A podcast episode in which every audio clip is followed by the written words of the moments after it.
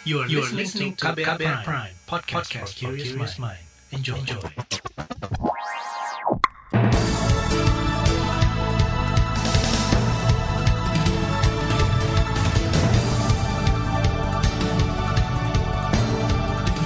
Selamat pagi saudara, senang sekali kami bisa menjumpai Anda kembali melalui program Buletin Pagi edisi Selasa 16 November 2021.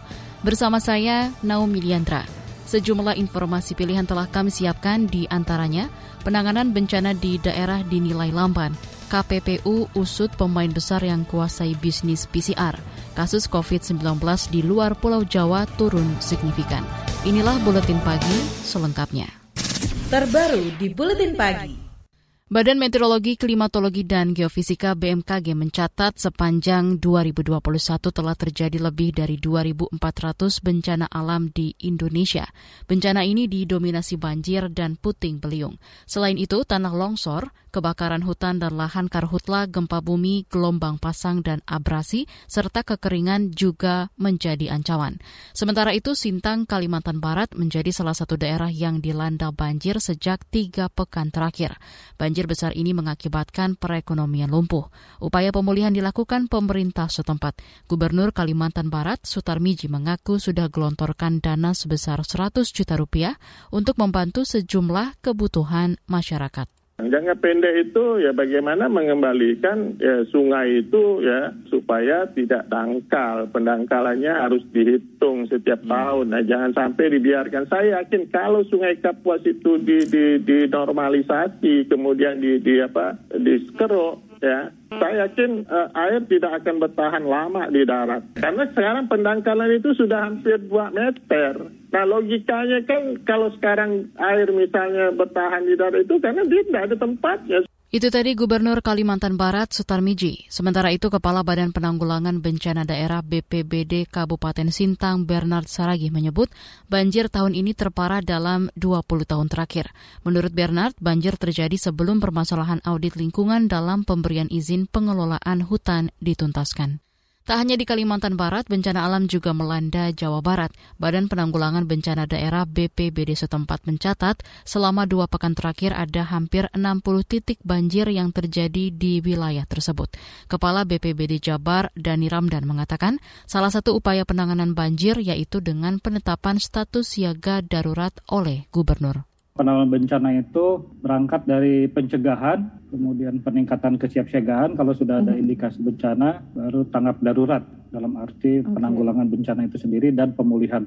Namun kalau toh eh, hari ini kita masih terjadi banjir, maka kita akan masuk ke tanggap darurat. Nah, saat ini BPBD uh, eh, sudah mengantisipasi, pertama sudah menetapkan oleh Pak Gubernur status siaga darurat, uh, istilah umum siaga satu ya. Kepala BPBD Jawa Barat Dani Ramdan menambahkan pemetaan risiko bencana di sejumlah wilayah sudah dilakukan. Bagi wilayah rawan longsor, BPBD sudah menyiapkan alat berat yang dekat dari lokasi. Menyikapi ancaman bencana di sejumlah daerah, pemerintah pusat mencatat kebutuhan dana bencana di Indonesia mencapai 20 triliun rupiah per tahun. Menteri Keuangan Sri Mulyani mengatakan estimasi dana mempertimbangkan kondisi alam. Pemerintah pun mengumpulkan dana dengan skema menghitung risiko. Dan inilah kita sekarang meng mengumpulkan dana dengan suatu mekanisme menghitung risiko sehingga kalau satu daerah terkena bencana dia bisa menarik dana itu.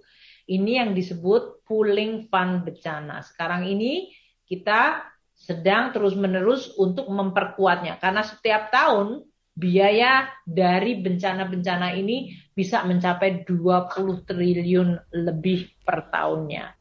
Sri Mulyani mengatakan dana ini bersumber dari anggaran pendapatan dan belanja negara APBN. Tak cuma bencana yang bersifat musiman, dana juga disediakan untuk mengantisipasi bencana yang tak terduga, misalnya seperti pandemi COVID-19 hingga perubahan iklim yang saat ini dikelola bersama Badan Pengelola Dana Lingkungan Hidup.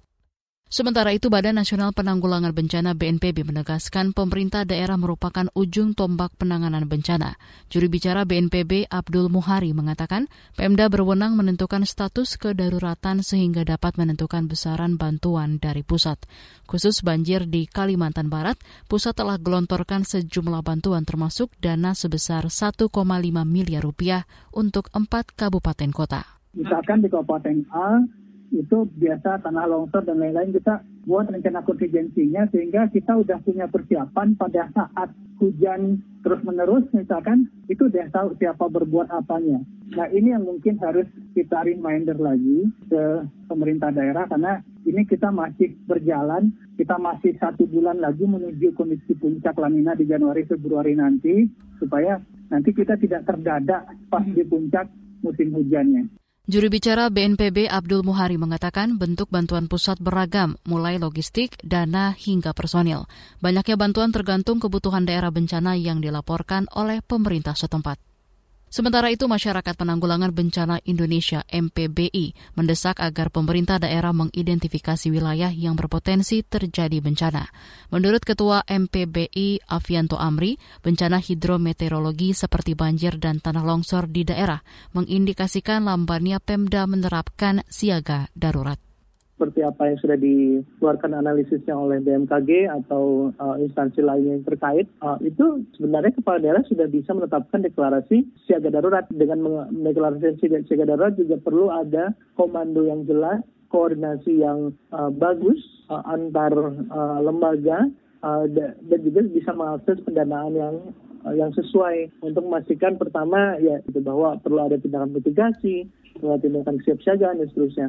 Ketua MPBI Avianto Amri menambahkan bencana hidrometeorologi yang terjadi di sejumlah daerah merupakan dampak dari fenomena lanina. Tetapi proses mitigasi, siaga darurat, dan faktor manusia sekitar berpengaruh memicu bencana. Semisal lemahnya penegakan hukum perusak hutan hingga kemauan politis pemerintah untuk menyetop perubahan iklim dan perusakan lingkungan. Amri menyebut banyak bencana di tanah air yang disebabkan alih fungsi lahan. Karenanya, pemerintah harus tegas dalam mengizinkan pembangunan di lahan yang menjadi sumber serapan. KPPU usut pemain besar yang kuasai bisnis PCR. Informasi selengkapnya hadir sesaat lagi. Tetaplah di Buletin Pagi KBR. You're listening to KBR Pride, podcast for curious mind. Enjoy!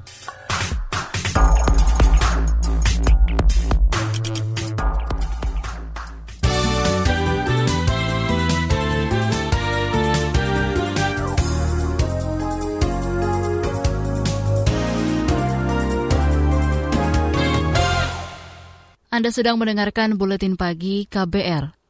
Komisi Pengawas Persaingan Usaha KPPU mendalami dugaan adanya kelompok besar yang memanfaatkan pandemi COVID-19 untuk mengeruk keuntungan melalui bisnis PCR.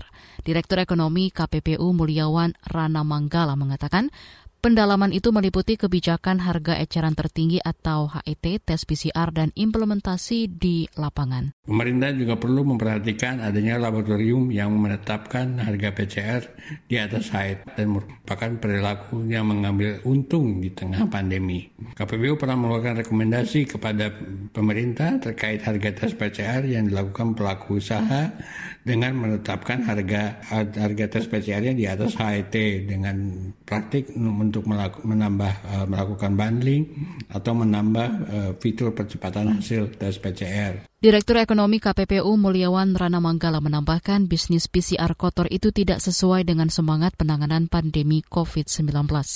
Sebelumnya, Mulyawan sempat menyebut beberapa nama, namun dia belum memastikan apakah nama-nama tersebut terlibat dalam praktik monopoli bisnis PCR. Ia menegaskan sebagian nama pelaku usaha yang tengah beredar saat ini kemungkinan ada yang benar, namun verifikasi masih diperlukan dalam pendalaman tim KPPU. Badan Pusat Statistik BPS mencatat mobilitas masyarakat di tengah ancaman COVID-19 meningkat pada bulan lalu ketimbang periode sebelumnya. Kepala BPS Margo Yuwono mengatakan itu ditandai dengan menurunnya aktivitas masyarakat di rumah dan meningkatnya mobilitas di tempat-tempat belanja serta wisata. Kata Margo, peningkatan ini bahkan lebih tinggi dibanding kondisi normal. Namun demikian, untuk tempat transit dan tempat kerja juga ada perbaikan meskipun belum kembali pada uh, kondisi normal kalau dibandingkan dengan uh, bulan Januari, Februari sebagai baseline untuk uh, kondisi Oktober 2021 ini. Dengan demikian, membaiknya mobilitas penduduk tentu saja berdampak kepada aktivitas ekonomi dan nanti juga harapannya kalau ini bisa kita jaga mobilitas penduduknya, aktivitas ekonomi semakin apa membaik, harapannya pemulihan ekonomi ke depan juga bisa berjalan seperti yang kita harapkan. Kepala BPS Margo Yono merinci aktivitas di rumah menurun pada bulan lalu dari 6 persen menjadi 5 persen. Sebaliknya tempat-tempat wisata mengalami peningkatan hingga 4 persen. Sementara itu tempat-tempat belanja juga naik hampir 25 persen. Laporan senada juga disampaikan Organisasi Kesehatan Dunia WHO. Peningkatan mobilitas itu terjadi di seluruh provinsi di Pulau Jawa dan Bali.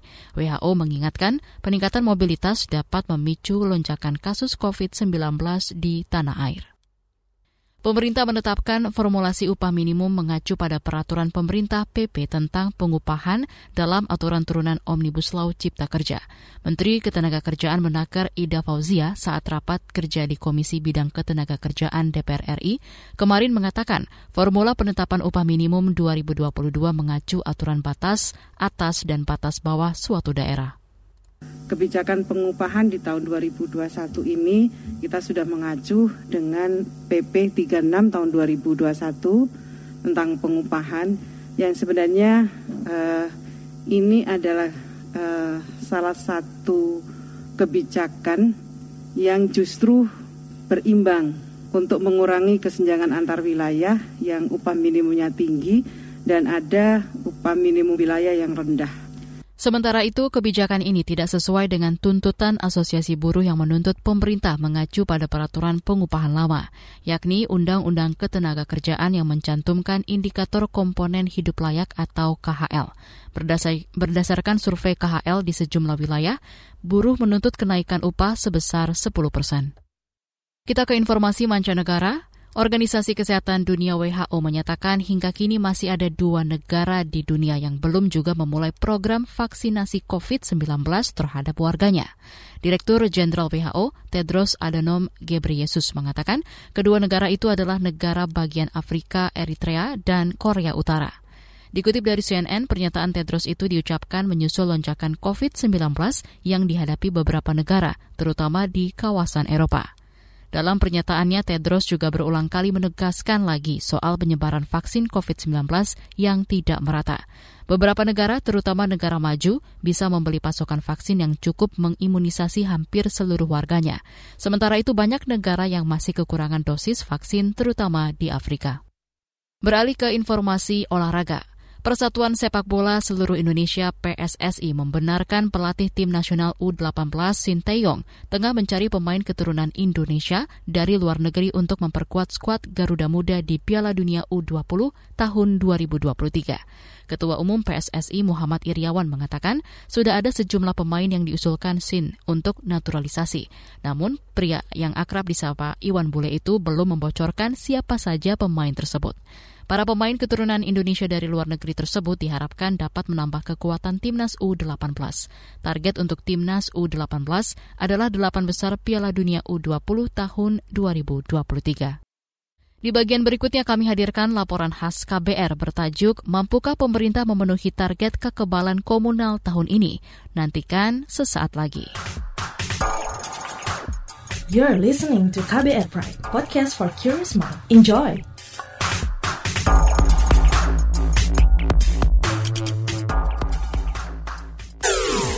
Commercial break. Setiap hari harus nemenin anak ngerjain tugas sekolah. Sampai nangis minta balik ke sekolah karena kangen. Aduh, nasib jadi freelancer. Udah dua bulan gak ada job. Mana duit tabungan udah kepake lagi. Podcast Live in the Time of Corona membantu kita menavigasi hidup dengan kehadiran COVID-19. Dengarkan di kbrprime.id, Spotify, Google Podcast, dan platform mendengarkan podcast lainnya.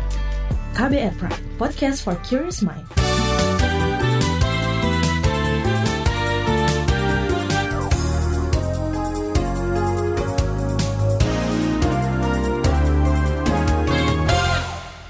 Anda masih bersama kami di Buletin Pagi KBR. Pemerintah menargetkan 70 persen penduduk Indonesia atau sekira 208 juta jiwa tervaksinasi COVID-19 pada akhir tahun ini. Tujuannya agar tercipta kekebalan kelompok. Kini pemerintah memiliki waktu kurang lebih satu setengah bulan untuk mencapai target itu. Bagaimana kemungkinannya? Selengkapnya simak laporan khas KBR disusun Sindu Darmawan. Target capaian vaksinasi 70 persen penduduk Indonesia atau 208 juta jiwa kembali disampaikan Wakil Presiden Ma'ruf Amin belum lama ini. Karena itu kata dia, vaksinasi COVID-19 di setiap jenjang usia akan dipercepat. Wapres mengingatkan pelaksanaan vaksinasi harus didukung kemampuan pemerintah pusat dan daerah meningkatkan upaya 3T, yakni pengetesan, pelacakan, dan perawatan. Selain itu, masyarakat diminta tetap disiplin menjalankan protokol kesehatan 3M. Pemerintah ingin mempercepat proses vaksinasi, terutama untuk yang pertama dan yang kedua, untuk mengejar kekebalan kelompok. Karena kita ingin kalau bisa akhir 2021 Desember ini uh, sudah semua Berdasarkan data Kementerian Kesehatan, per kemarin ada lebih dari 130 juta jiwa yang sudah divaksinasi dosis pertama, kemudian 84 juta jiwa lebih yang sudah mendapat dua dosis vaksin COVID-19. Artinya, ada sekira 78 juta jiwa yang belum divaksin dosis pertama dan kurang lebih 124 juta orang yang belum mendapat vaksin dosis kedua. Pemerintah punya waktu satu setengah bulan untuk mencapai target itu. Juru bicara vaksinasi COVID-19 Kementerian Kesehatan, Siti Nadia Tarmizi menyampaikan kendala untuk mencapai target vaksinasi terutama di wilayah timur Indonesia seperti Papua dan Maluku. Tantangan lain di daerah-daerah tersebut ialah jarak fasilitas pelayanan kesehatan sehingga vaksinasi harus dilakukan dari pintu ke pintu atau door to door. Bagaimana kecepatan distribusi yang sudah kita kirimkan dari pusat itu diterima oleh provinsi. Nah, kemudian kemudian bagaimana provinsi mendistribusikan ke seluruh kabupaten kotanya. Tidak semua kabupaten kota itu misalnya ya punya penerbangan yang reguler. Artinya kalau kita mau cepat kita kirim melalui penerbangan, tapi ternyata tidak semua. Nadia juga mengakui ada sebagian masyarakat yang ragu divaksin karena minimnya edukasi tentang pentingnya vaksin COVID-19. Namun, ia mengklaim ada 21 ibu kota provinsi di Indonesia yang capaian vaksinasinya melebihi 70 persen seperti Jakarta dan Bali. Kemenkes menyebut stok vaksin pemerintah saat ini 250-an juta dosis, 240-an juta di antaranya telah didistribusikan ke daerah. Kendala lain yang terjadi ialah masa kadaluarsa vaksin. Di Kudus, Jawa Tengah misalnya, ada lebih dari 4.000 vaksin AstraZeneca yang kadaluarsa. Gubernur Ganjar Pranowo mengaku sudah menegur Bupati Kudus Hartopo. Menurut Ganjar, kasus ini menjadi masukan bagi Pemprov Jateng terkait penanganan vaksin kita minta untuk cek karena memang beberapa daerah kemarin merasa tidak mampu untuk menyuntikkan itu yang memang ada beberapa juga yang maunya Sinovac begitu ya. Selain soal kedaluarsa, hal lain yang berpotensi jadi kendala pemerintah untuk mencapai target ialah cakupan vaksinasi kelompok lanjut usia. Sebab pada bulan ini, cakupan vaksinasi lansia baru mencapai sekira 7 jutaan dari 21 juta target sasaran. Padahal, kelompok ini rentan tertular COVID-19. Per Agustus tahun ini, lebih dari 27 ribu lansia berusia 60 tahun meninggal. Terkait hal ini, kelompok penasihat teknis untuk imunisasi Indonesia (ITAGI) mendorong pemerintah daerah aktif mengedukasi manfaat vaksinasi khususnya bagi lansia. Menurut Ketua ITAGI, Sri Rezeki Hadinegoro, mayoritas lansia tidak bisa datang sendiri ke lokasi vaksinasi.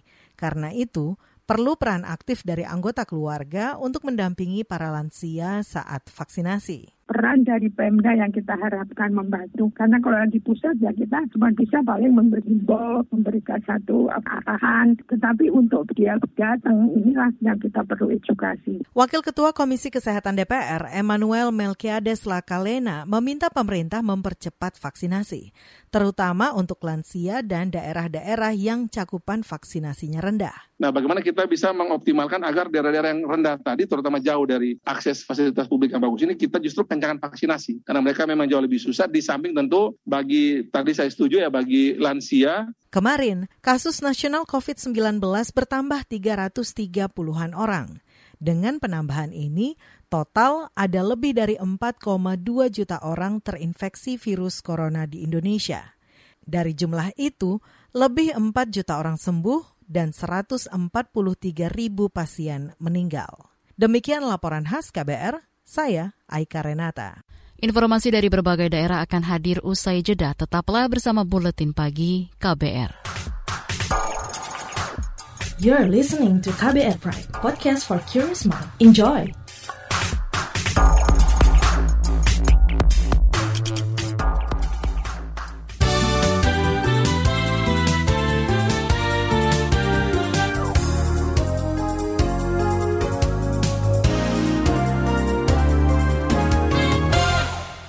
Inilah bagian akhir buletin pagi KBR. Pemerintah mencatat penurunan jumlah kasus aktif COVID-19 pada 14 November 2021 di wilayah luar Pulau Jawa dan Pulau Bali, mencapai hampir 100 persen dibandingkan periode puncak pada awal Agustus lalu. Menteri Koordinator Bidang Perekonomian Erlangga Hartarto mengatakan, khusus wilayah di luar Jawa Bali, jumlah kasus aktif mencapai hampir 50 persen dari total kasus aktif nasional. Tingkat kesembuhan tertinggi yaitu di Nusa Tenggara Timur. Sulawesi recovery rate di 97,2, fatality rate di 2,6, Maluku Papua di 95,97 dan fatality rate di 1,7. Seluruhnya penurunannya dibandingkan di puncaknya itu turun antara 89 sampai dengan 98 persen. Menko Perekonomian Erlangga mengatakan berdasarkan evaluasi tidak ada lagi provinsi yang menerapkan PPKM level 4 dan level 3, sedangkan 25 provinsi lainnya berada di level 2 serta dua provinsi di level 1. Kita ke wilayah Jawa Tengah. Badan Penanggulangan Bencana Daerah BPBD Kabupaten Cilacap, Jawa Tengah, memperkirakan wilayah terdampak kebakaran tangki di kilang Pertamina di wilayah itu mencapai radius 20 km. Kepala Seksi Pencegahan dan Kesiapsiagaan Bencana BPBD setempat, Gatot Arif Widodo mengatakan, perkiraan itu berdasarkan hasil evaluasi dengan lintas sektor seperti BMKG.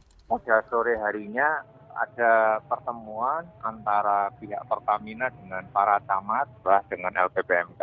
Bagaimana uh, skenario recovery pengembalian lingkungan itu biar apa uh, kembali kembali bersih. Sebagai sebagai salah satu catatan kita bahwa area yang terdampak itu kurang lebih 20 km areanya ringnya. Ya 20 km dari TKP tapi bisa mungkin bisa terdampak pada ring 2 nya Kepala Seksi Pencegahan BPBD Cilacap Gatot Arif Widodo menuturkan opsi recovery lingkungan usai insiden kebakaran telah dikomunikasikan dengan pihak terkait. Pertamina berkomitmen memberi ganti rugi baik perorangan maupun perusahaan yang terdampak kebakaran ini. Kendati komitmen sudah disepakati, masyarakat diminta membersihkan sisa kebakaran secara mandiri dengan sejumlah alat yang disiapkan. Pemerintah Kabupaten Banyuwangi, Jawa Timur meluncurkan kartu wisata ramah penyandang disabilitas. Kepala Dinas Pariwisata dan Kebudayaan Banyuwangi Muhammad Yanuar Bramuda mengatakan, kartu itu bisa dimanfaatkan penyandang disabilitas untuk masuk destinasi wisata secara gratis. Selain itu, kartu itu juga bisa digunakan untuk mengakses fasilitas lengkap yang ramah difabel di tempat wisata. Semisal kursi roda, akses jalan khusus disabilitas, dan pemandu wisata khusus difabel yang fungsinya yang pertama tentu untuk digitalisasi. Yang kedua, kartu ini juga bisa bermanfaat untuk masuk ke semua destinasi pariwisata dengan fasilitas gratis. Nah, yang ketiga, kita juga secara bertahap uh, memberikan fasilitas layanan infrastruktur ke setiap destinasi.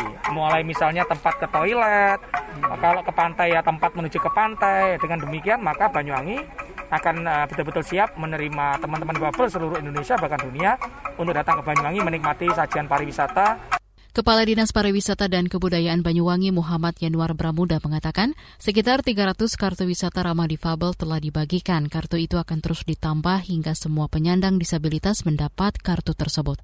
Ia bertekad menjadikan seluruh destinasi wilayah di wilayahnya ramah disabilitas. Informasi tadi menutup jumpa kita di Buletin Pagi hari ini. Pantau juga informasi terbaru melalui kabar baru situs kbr.id, Twitter kami di akun @beritaKBR, serta podcast di alamat kbrprime.id. Akhirnya saya Naomi Liandra bersama tim yang bertugas undur diri. Salam.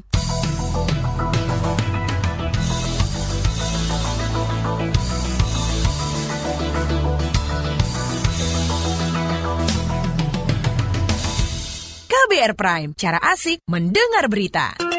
KBR Prime, podcast for curious mind.